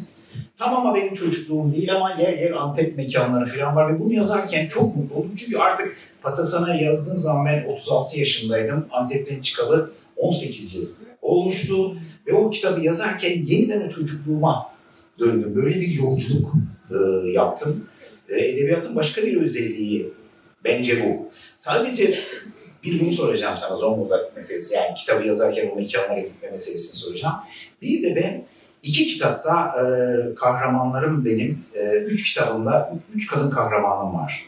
Bağ ve Esrar'da Kelin Kimya Greenwood var. Patasana'da Esra, arkeolog Esra var. Çok güçlü karakterler bunlar. Ve son romanın Kayıp Tanrılar Ülkesi'nde de Yıldız Karasu var. Kadın kahramanları yazmayı e, çok seviyorum. Belki Tuna'nın söylediği gibi yani e, Suat da belki bana katılır. Hani kadını anlamak, e, çünkü sonuçta bir annem, annemi çok severdim, çok iyi ilişkilerim vardı annemle. E, kız arkadaşlarım oldu, hepsini çok sevdim, onlar da beni çok sevdiler. E, karım oldu, uzun bir evliliğim var, kızım oldu. E, hep anlamaya çalıştım, hep anlamaya çalıştım. Üstünlüklerimi çoğu zaman gördüm. Yani kız, bir kız çocuğu büyüdüm de torunum var Rüzgar. İkisi büyürken bir kız çocuğun ne kadar daha fazla yetenekli olduğunu, bir anda konuşmaya başladığını, bunların hepsini de gözlemledim ve yazdıkça da bunları tanımaya e, başladım. Sana iki sorum var. Birincisi bu geçmişe, çocukluğa, şehre gitmek. Yani yaşamadığın, şu anda yaşamadığın şehre gitmek. İkincisi de ben bir erkek olarak kadın kahramanlar yazdım ama kadın bir kadın olarak kadın kahramanı yazmanın zorlukları. Ya kolay gibi gözüküyor ama bence çok büyük zorluklar olduğunu düşünüyorum. Ee, Yıldız Alatan serisini yazarken önce tabii çocuk, kendi çocukluğumdaki e, 1979'da başlıyor ama e, kendi çocukluğumdan hatıralarıma başvurdum tabii önce. E, o Araz Olmadağ'da gidip geldim. E, şimdi o romanın geçtiği yerlerin hepsi, yani roman tamamen kurgu, e, karakterler tamamen kurgu ama bütün mekanlar gerçek. Bir kısmı bugün hala var. Bir kısmı da e, bazı mahallelerde e, hayalet kasaba, hayalet köy gibi olmuş durumda. Oralara gittim, e, ıssızlıkta dolaştım, evlerin, bazı evlerin pencerelerinden içeri girdim. Tekrar evet pencereler açıktı, işte tekrar o hissi yaşamak istedim, fotoğraflar çektim falan. E, çok zevkliydi ve çok hüzün, hüzün vericiydi. E, çünkü eğer mutlu bir çocukluk geçirdiyseniz hiçbir hayatın hiçbir döneminde ben o mutlu çocukluktaki kadar mutlu geçeceğine inanmıyorum. Hayat acımasız bir şey. Vahşi bir şey. Gün, en sade gün, e, bir gün bile e, çok vahşi detaylar, e, ruhsal, ruhsal açıdan kastediyorum vahşeti. Çok acımasız anlar yaşayabiliyorsunuz bir gün içinde. O yüzden o mutluluğu, mutluluğun geçmişte kaldığını fark etmek hüzün verici bir deneyimdi. Ama romanı yazarken hep yaşadım. Hep tekrar geçmişe gittim. E, çocukluğumdaki teyzeleri, o gün yapan teyzeleri, o yıldız alatan tarzı kadınları, e, kadınların hissiyatını tekrar yaşadım. Benim için çok büyük zevkti. E, bir de kadın Yazmak. yazmak. Ee, zor çünkü e, Türkiye'de çok zor bence. Çünkü de, dediğim gibi hep bugün bu çok modern olarak tanımlayabileceğimiz bugün de bile çok ön yargılar var kadınlara karşı. Ee, kad, e, deminki konuşmamda söylediğim kadının kadına ön yargıları var. Ee, bir şey yazıyorsunuz hemen eleştiriyor, ön yargısını ortaya çıkarıyor ama bu böyle değil ki. Hayır öyle ama kabul etmek istemiyor. Bir şeyi, e, ben bir şeyi kanıtlamaya çalışmıyorum kadın karakter yazarken. İçinden geldiği gibi, kendini hissettiğim gibi yazıyorum. E, tabii ki kendimden çok şey katıyorum. Kendi hislerimden, kendi yaşadığım zorluklardan, kendi neşemden, mutluluğumdan. E, ama Türkiye'de e, insanlarda insanlar e, bir şeyi olduğu gibi kabul etmek yerine hemen e, bir e, şey eleştiri, hemen bir ön yargı, e, kalıplara sokma, e, farklı olanı e, dışlamaya başlama böyle bir şey var. O yüzden bence kadını yazmak zor yani burada e, Tuna'nın da yaptığı çok zor bir şey, Suat'ın yaptığı erkek olarak da yazmak bence daha da zor. Çünkü ben hislerimi aktarabilirim ama onlar e, on- onların açısından bence daha zor. Öyle düşünüyorum. Evet arkadaşlar bayağı uzun bir süre oldu. Soru sormak ister misiniz? Yoksa bitireyim mi? Ben küçük bir şey ekleyeceğim. Ha, tabii. Buyurun. Yaprağın bıraktığı yerden küçük bir anekdot anlatacağım. Ben genellikle böyle konuşmalarda şikayet falan etmem aslında. Sakın öyle senin olay yaptığını düşündüğüm sanma. Ee, çünkü çok fazla şikayet var. Onların hepsi bu paneli top şey yapan yani kapsar. Ee, sanırım ikinci romandaydı. Bir yayın evine göndermiştim. Ee, orada da erkek bir editör okudu. Ünlü bir editör kitabı. Ee, benim karakter gazeteci bir kadın. Ondan sonra e, geri döndü bana. Dedi ki bir kadın ka- gazeteci böyle konuşmaz. Ama kadın olan benim, gazeteci olan da benim. Ama nasıl, kadının nasıl konuşacağını bilen erkek bir editör. Hiç gazetecilik yapmamış. Ben de çok teşekkür ederim dedim ve kitabımı geri çektim oradan. Sonra da hep benim şansım kadınlarla, kadın editörlerle ve kadın yayın yönetmenleriyle çalışmak oldu. Ee, orada, orada bile bazen Ahmet zorlanıyoruz. Yani çünkü her kadın aynı değil. Tecrübesi aynı değil, acıları aynı değil. Aynı sosyoekonomik yapıdan gelmiyor. Yani e, üstten bakmamak, üstlerden yaklaşmamak, herhangi bir sınıf farklarını e, dikkate almak. Bunların her birisi yani de herkes farklı yani erkek ya da kadın. E, insanın e, kişisel bir şeyi var, e, çizgisi var, hayat çizgisi var. E, gerçekten çok zor. Ben genellikle onların içine girmeye çalışıyorum ama bazen tabii kaçıyor insan kendisinden bir şeyler katıyor. İşte onu minimize etmek, e, o dozu iyi ayarlamak da bence hani hem okurlar, benim bir okuma grubum var her romandan sonra verdiğim, e, onlardan gelecek e, tepkiler veya işte editör ya da okurlardan onlar çok değerli oluyor. O şey, e, frekansı iyi bulmak açısından. Evet. Sormak bir şey varsa onlara var mı söylemek istediğiniz son bir şey? Yoksa kapatalım. Soru yok mu? Sanırım biz ikna etmişiz. Ben bir şey sorabilir miyim? Tabii buyurun elbette. Ee, size sormak istiyorum. Buyurun. Sizin öykülerinizin birinde bir e, sanırım aşk köpekliktir de. Ee, bir cinayetin böyle bir tasviri vardı. Yanlış hatırlamıyorsam güllerle tarif etmiştiniz.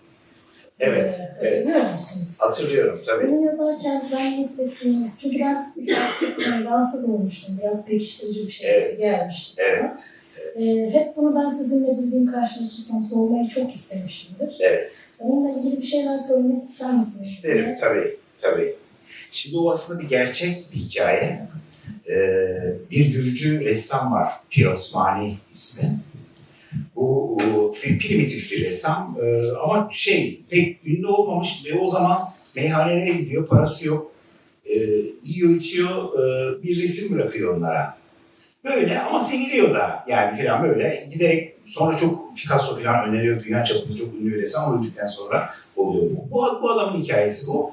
Bir Fransız e, şarkıcı galiba ya da aktrist neyse şey geliyor, e, Türkistan'a geliyor. Bunun bulunduğu şehri Tiflis'te.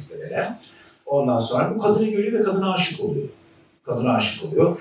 Kadınla da ilginç geliyor bu başlarda. Böyle bir ressam, enteresan, meyhanelere gidip para yok, ressam, resim olarak ödüyor falan. Çok enteresan bir adam. Ondan sonra bir kadınla bir aşk e, yaşıyorlar. E, fakat bir süre sonra e, ve o arada da kadınla bu aşkı falan da biraz bunu popüler hale getiriyor falan. Fakat bir süre sonra kadın yani hani benden bu kadar hani diyor kadın her aşk gibi vazgeçiyor kadın. Bu elindeki bütün resimleri, ne kadar resmi varsa ve ne, neyi varsa galiba küçük bir birim var galiba, evini satıyor. Ee, gidiyor bir çiçekçiye. Kırmızı güller alıyor. Ve o kırmızı gülleri bir at arabasının üzerine yüklüyor. Bu at arabasına yüklenmiş gülleri kadının kaldığı otelin önüne, kadın galiba artık başka biriyle oluyor filan, otelin önüne yıkıyor. Ve bunun bir şarkısı var Rusça'da, e, Milyon Milyon Rose diye bir şey e, şarkı bu. Ben ondan etkilendim. Hikayenin diğer tarafı da doğru. Bizim Antep'te geçen bir hikaye hatırlarsanız. Vakkas abinin hikayesi. Yahudi bir kıza aşık olan. Bu ikisini birleştirdim. Çok etkileyici bir görüntü. Haklısınız. Kan e, öldürülmüş bir e, kadın. Aslında kadın öldürmüş. Yani imge şuydu. Kitap okumayanlar için söyleyeyim. Hanımefendinin bahsettiği imge şuydu. E, birine anlatıyor. Ben ayrıldı kadın diyor. Baş, bana ihanet etti. Ben de diyor gittim evin önüne milyonlarca gül döktüm ve ayrıldım diyor. Aslında böyle yapmıyor.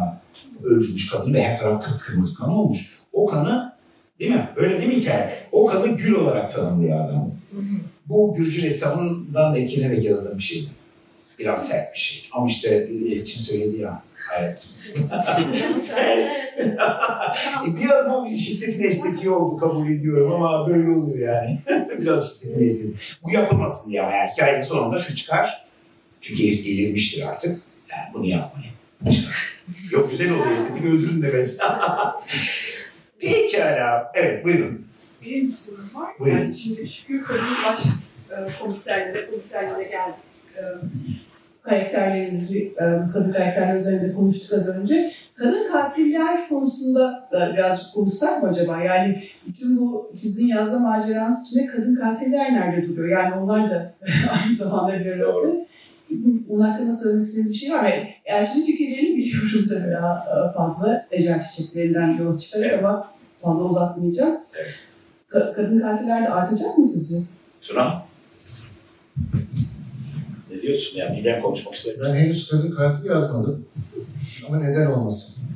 Tabii ki. Yani e, e, öldürmek sonuçta bir insan davranışı, bir davranış biçimi. Yani e, kadın da olsa, erkek de olsa herkesin ya da aklınıza hiç gelmeyecek birisinin öldürme noktasına gelebileceği bir eşik var. Stephen King'in çok sevdiğim bir sözü vardı benim. Bir seri katil de karşıdan karşıya geçmeye çalışan yaşlı bir kadına yardımcı olabilir. Yani genç yazarlara bir şey verirken karakterleri ya da karşıdan karşıya geçen yaşlı bir kadına yardımcı olduğunuz olduğunu gördüğünüz birisi aynı zamanda seri katil olabilir. Yani böyle yaratırsanız karakterleri gerçekçi olursunuz anlamında söylemiş. Eminim bir kadın e, seri katil yaratmak da çok zevkli olacaktır. Siz ne diyorsunuz arkadaşlar? Benim var, kadın katillerim var. Buyurun. Ee, evet. Ee, yani kadın katil yaratmayı seviyorum ben. Çok ilginç tipler oluyorlar. Bu da benim gizli e, zevkim herhalde. E, ama Tuna'nın dediği gibi yani neden olmasın bir insan davranışı sonuçta. E, ama benim kadın katillerimin genelde hep bir trajik bir öyküsü oluyor. Yani arka planda e, onu, onu o noktaya getiren e, toplumsal bir şey olabiliyor. E, yetişme tarzından kaynaklı olabiliyor. Ama erkek kadın diye de özellikle ayırmıyorum yani. Suat bir şey söylemek ister misin? Valla kadın katil, kadın polisten daha gerçekçi olası geliyor bana zaten. Şimdi kadın başkomiserimiz yok. Asayiş şubede hiç yok zaten. Yok. Ee, o, o noktada tam bir fantazi aslında bizim yazdığımız. Ee, kadın komiser yazdığımız zaman. Ben yazmadım ama. Ama kadın katil yazarsak bu işte sürpriz olması hiçbirimiz için olması herhalde. Oradaki mesele yani kadının bir katil olarak da hikayeyi domine etmeye başlaması e, işte hayatla alakalı bir şey. E, polisi edebiyatın doğuşunda yok mu? Kentleşme, yığınların proleterleşmesi, erkeklerin iş hayatına girmesi, çalışması. Çünkü kadın bu rolü daha yeni yeni oynuyor. Belki 20 yıldır oynuyor Türkiye'de. E, bu rolde başat hale geldiği zaman yani hayatı gerçekten ikiye bölüp kalan yarısını sahiplendiğinde cinayetin de yarısını sahiplenecek. Yani bunun edebiyata girmesi de an meselesidir herhalde diye düşünüyorum. Yani en çok şundan söyledim. Yani bir şey var, tipik bir e, yabancı, Anglo-Sakson dünyada da ölü kadınlar. Yani sürekli bir cinayetleri arka arkaya takı takı takı kadınlar öldürülür. Ve mutlaka arkada müthiş bir beyin vardır. Bir erkektir o beyin tabii ki. Ve o cinayetleri bir şekilde planlamıştır ince ince. işte arkasına iz bırakmamıştır. Böyle minnacık şeylerdir. işte adli tıklan bulursunuz falan filan. Güzel bizim işte Doğan kitapta yıllardır yani kaç tane e, ölü kadın e, yani böyle say sayamıyorum ve hesaplar arkadaşlar koymayalım isterseniz artık ölü kadın var. Öyle yani İspanyol'da da İngiliz'inde de Amerika'sında yani gerçekten ölü kadınlar. Bir de genç kadınlar. Yani ve Evet, genç kadınlar genç yani fantezi. güzeller yani nedense e, yani böyle bir saçma sapan bir şey var. Bu kadar daha yani bir şey yapılıyorsa bu erkek demektir. Yani yazılacak bir şey yani yazılacak bir şey olduğunu düşünmüyorum. Bence kadın katil yazmak zor bir şey değil ama e, en sonunda o hani kalıplaşmış bir şey bir parçası bu yani. Ölü kadınlar ve e, erkek iyi katiller de bence bir klişe. Yani ağır bir klişe. Yani Tabii, oturmuş ve dünya çapında oturmuş bir klişe. Yani o yüzden biraz daha fazla kadın katil de. Tamam ya aldık mesela. tamam mı? Küçük bir şey eklemek isterim aslında. Ee, var mı zamanımız? Bilmem sıkı arkadaşlar mutlu gibi görünüyor. Bir kalmıyor kimse. Devam edelim mi? Son tuna kapat. Konuştuk sonra kapatırım olmazsa. Tamam. Yani e, Hülya Hanım Elçin de benim editörümüz bu arada. Deminki güzel soruyu soran. İlham verici bir soruydu gerçekten. Teşekkür ederim kendi adıma. E, bence Türkiye'de yerli polisiye yazarlar, Türkiye'de Türk polisiye yazarları olarak bizim rakibimiz aslında yabancı polisiye yazarlarından çok Müge Anlı. Ve Sedat Peker. Çünkü e, Müge Anlı'da gerçekten e, benim kardeşim söyledi. Yani polisiye yazacaksan oturup seyretmen lazım bunu diye. O zaman ben seyretmeye başladım. Gerçekten hayal gücünü yaratılması çok zor şeyler burada cereyan Ve çok ilham verici. Yani katilin de, kadını da, erkeği de ve o suçların işlenişi, o suçun saklanış biçimleri, suçları işleyenlerin davranış biçimleri falan oldukça aydınlatıcıydı. Ayrıca Sedat Peker'de casusiye de var. Da derin devlet ilişkileri de var. Dolayısıyla ben ikisini rakibimiz olarak teşekkür ederiz. Sağ olun. Bu bir son bir şey söyleyeyim. Bunu kap- Şimdi aslında insanlar özellikle seri katillere baktığımız zaman seri katillerde tabii şöyle bir şey var. Ee, zemininde bir travma var. bir travma ve dolayısıyla bu travmanın sonunda e, herhangi bir nedenle yani para almak için değil, kıskançlık için değil, e, bir çıkar için değil, doyum için öldürüyor seri katil. Yani seri katilin tanımı bu. Ötekiler zincirleme katil, toplu katil falan diyebiliriz. Yani bir insanın 10 kişi öldürmesi onu seri katil yapmıyor. Böyle. E, elbette kadının seri katiller var. E, yani ama feminizm meselesini anlatacaksak kadın bir seri katil yerine aslında e, son derece Türkiye'de kadınların yüzde doksanının e, birini öldürmek, erkekleri öldürmek için çok sağlam gerekçeleri var. Çok sağlam gerekçeleri var. E, ve ben bazen okuyorum gazetede kadın öldürüyor, adam kafasını kesmiş mesela falan. Dehşet verici ama üzülmüyorum, iyi olmuş diyorum mesela. Bu kadar. Bunu sağlayan benim vicdansız ve merhametsiz bir insan olduğu değil, o kadına, o erkeğin maktulün, maktulün yaptıkları. Yani gerçekten korkunç bir e, davranış içinde kadınlar. Hakikat, hepsi değil.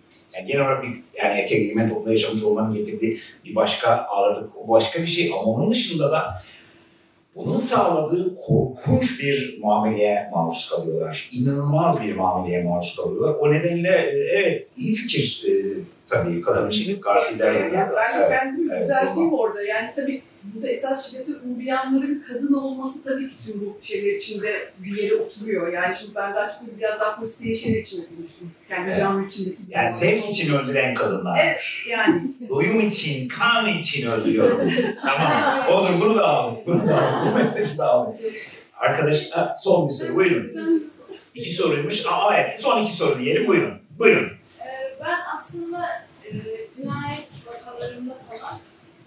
E, neden e, katillerin ipucu bıraktığını merak ediyorum. Hani bazen bir şarkı mırıldanıp ya da yazarlar ya da e, dini bir ipucu bırakırlar. Yani kendilerini tutuklanmasını istiyorlar vesaire başka nedenleri var onu merak ediyorum. Ya bu seri katilleri zaten yakalanmak için yapıyorlar. Yani orada yaptığı şey seri katilin durumu şu. Toplumda uyum sağlayamamış. Ve toplumu dışlamış ve var olmak istiyor. Ve var olma biçimi olarak diyor ki ben sizin dikkatinizi çekeceğim ve öyle şeyler yapacağım ki cinayetlerle, öldürerek, vahşetle bir sanat eseri ortaya çıkaracağım ve siz bana saygı duyacaksınız. Ama düşün bunları yapıyorsun ve altına romanın yazarını yazmıyorsun. Benim romanın yazarını bulmanız için de ipuçları bırakıyor. Benim bunun sonunda değil. Bulun ve an, beni anlatayım çıkayım. E, O vahşet bilmem ne. Elbette saçma sapan bir şey sonra unutulacak çünkü yani. Biraz nedeni bu. Evet. Buyurun diğer arkadaşımız. Merhabalar. Ee, ben de yaprak alma bir şey soracaktım. Tabii. Çok e, sadık bir okuyucusuyum. Ee, Yıldız Alatan romanlarında yani o karakterin e, işlendiği romanlar serisinde bir yan karakteri bir başka e, kitabınızda da ana karakter haline getirmiştiniz. Tilki Baykuş Vakia'dan Evet. bahsediyorsunuz. Suat Memnun. Suat Bey, evet. E, doktordu kendisi. Evet. Psikiyatrdı yanlış hatırlamıyorsam. Psikiyatrist, Ee, bu fikir o kitabı yazarken mi ortaya çıktı? Yani ben bu kitabı yazarken, Yıldız Alatan Macerası'nı yazarken Suat Bey için de ayrı bir e, hikaye oluşturayım gibi mi çıktı? Yoksa çok daha sonrasında ortaya çıkan bir şey miydi? Yani bu spin-off gibi hani belki şeyde e, sin- sinemada mı daha çok kullanılıyor bu tabir bilmiyorum ama bu tip bir e, yan karakterden e, farklı bir hikaye üretmek durumu sizde devam edecek mi? Bunu da sormuş olayım. Bir de bu nasıl gelişti sizde? Bunu da sormuş olayım. Şimdi Tilki Baykuş ve Yıldız Alatan serilerinden önce yazmıştım ben. Ve orada e, gençliği Zonguldak'ta, Zonguldak tayini çıkıyor psikiyatrist doktoru olarak diye Tilki Baykuş Barkı'da bir yerde bahsediliyordu. Sonra ilk Yıldız Alatan kitabını yazarken aklıma geldi. Aa Suat da işte Zonguldak'taydı tam bu, bu senelerde 1979 senesinde falan orada olması lazım. Katayım dedim. Bir de katmamın sebebi e, Suat Demirok kitap okumayanlar için spoiler olacak ama e, çok psikopat bir karakter olmasına rağmen çok sevildi. Yani bana hala Tilki Baykuş Bakir üzerinden seneler geçmesine rağmen hala Suat'ın gençliğini yazın. Suat başka cinayet işlemedi mi? İşte o yüzden, e, daha maceralarını yazın e, diye bana hala mesaj geliyor sosyal medyada. Çok se- çok seviyorlar. Ben de garip bir şekilde seviyorum çünkü özgür bir karakter. E, ha dedim seviyorlardı. Ben Suat'ın gençliğini koyayım. O şekilde ortaya çıktı. Şimdi her seride de e, bu psikiyatrist olduğu için analiz yaptırıyor Yıldız ona. E, bu son yazdığımda da her kitapta bir Suat Demirov'dan bahsediyorum çünkü ben de çok seviyorum, okur da seviyorum. O bir gelenek oldu yani. Teşekkür ederim. Evet arkadaşlar çok teşekkür ederiz. Bugün siz de bizim kahramanlarımız katillerin zihninde geziniyordu. Siz de yazarların zihninde bir yolculuk yaptınız. Ayaklarınıza sağlık. Her zaman bekleriz. Önümüzdeki yıl tekrar Cinayi Muhabbetler'in üçüncüsü olacak. Kaçırmayın. Bak faydalı ve yararlı bir şey. Ayaklarınıza sağlık. Herkese iyi akşamlar. Sevgiler. Thank you for being here.